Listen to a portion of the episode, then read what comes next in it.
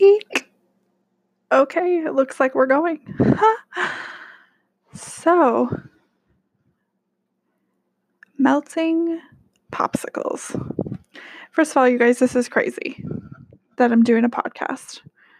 But I just feel like we don't connect enough anymore. And so that was kind of the goal of this um, is just to be able to have conversations, meaningful conversations with my friends and share it with you guys. Hopefully, it will help someone else.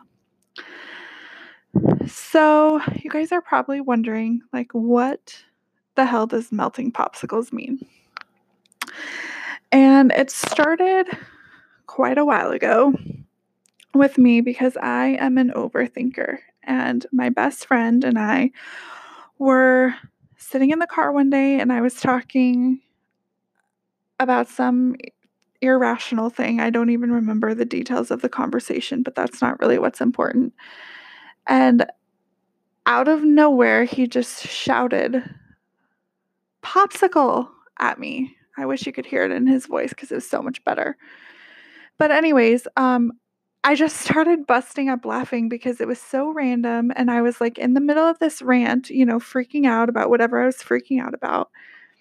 And he just yelled popsicle at me.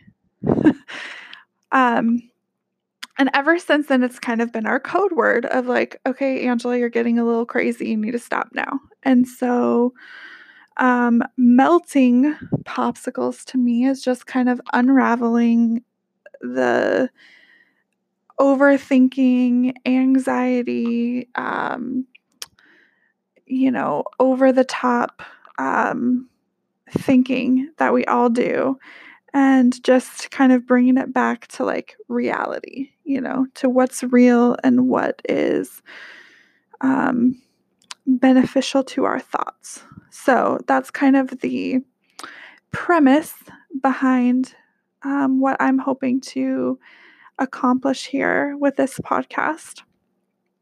So share with your friends. We're just getting started, but uh, I sh- I'm just getting started. There's only one of me, but I'm hoping to have uh, you guys on and um, kind of expand this. I have no idea what I'm doing, but it's going to be fun to learn, and um, I'm looking forward to your guys' feedback and ideas and getting through messy life one melting popsicle at a time.